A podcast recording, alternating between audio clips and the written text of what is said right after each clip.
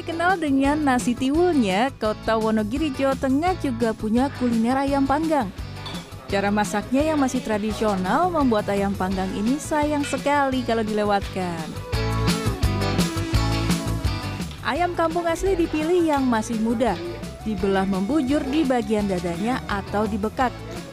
Bagian tengah ayam ditusuk dengan menggunakan sepotong bambu kecil hingga terbentang dan selipkan leher di bagian bawah dan cakarnya pun dibiarkan utuh.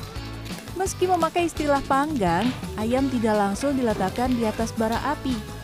Ayam dimasukkan ke kuali tanah liat yang sudah dipanaskan dengan api kayu bakar. Selain membuat matang lebih merata, cara memasak seperti ini membuat cita rasa ayam berbeda dari ayam panggang pada umumnya. Perbedaan lainnya, ayam panggang tidak melalui tahapan diungkep dengan bumbu atau direbus dahulu sebelum dipanggang. Ketika setengah matang dan kulitnya agak kering, ayam ditusuk di beberapa bagian, lalu direndam bumbu dan dipanggang kembali hingga matang.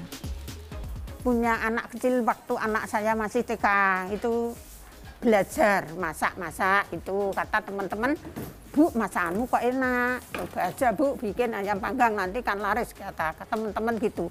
Ternyata belajar belajar belajar sampai menemukan hasil yang maksimal kata teman-teman. Enak aku baru berani membuat yang seperti ini sekarang ini. Diakui Suwarsi, ayam panggang produksinya telah dikirim ke hampir seluruh penjuru Indonesia. Bahkan ia sempat mengirim ke Malaysia dan Dubai. Sementara menurut para pelanggan, dagingnya yang empuk membuat banyak orang ketagihan.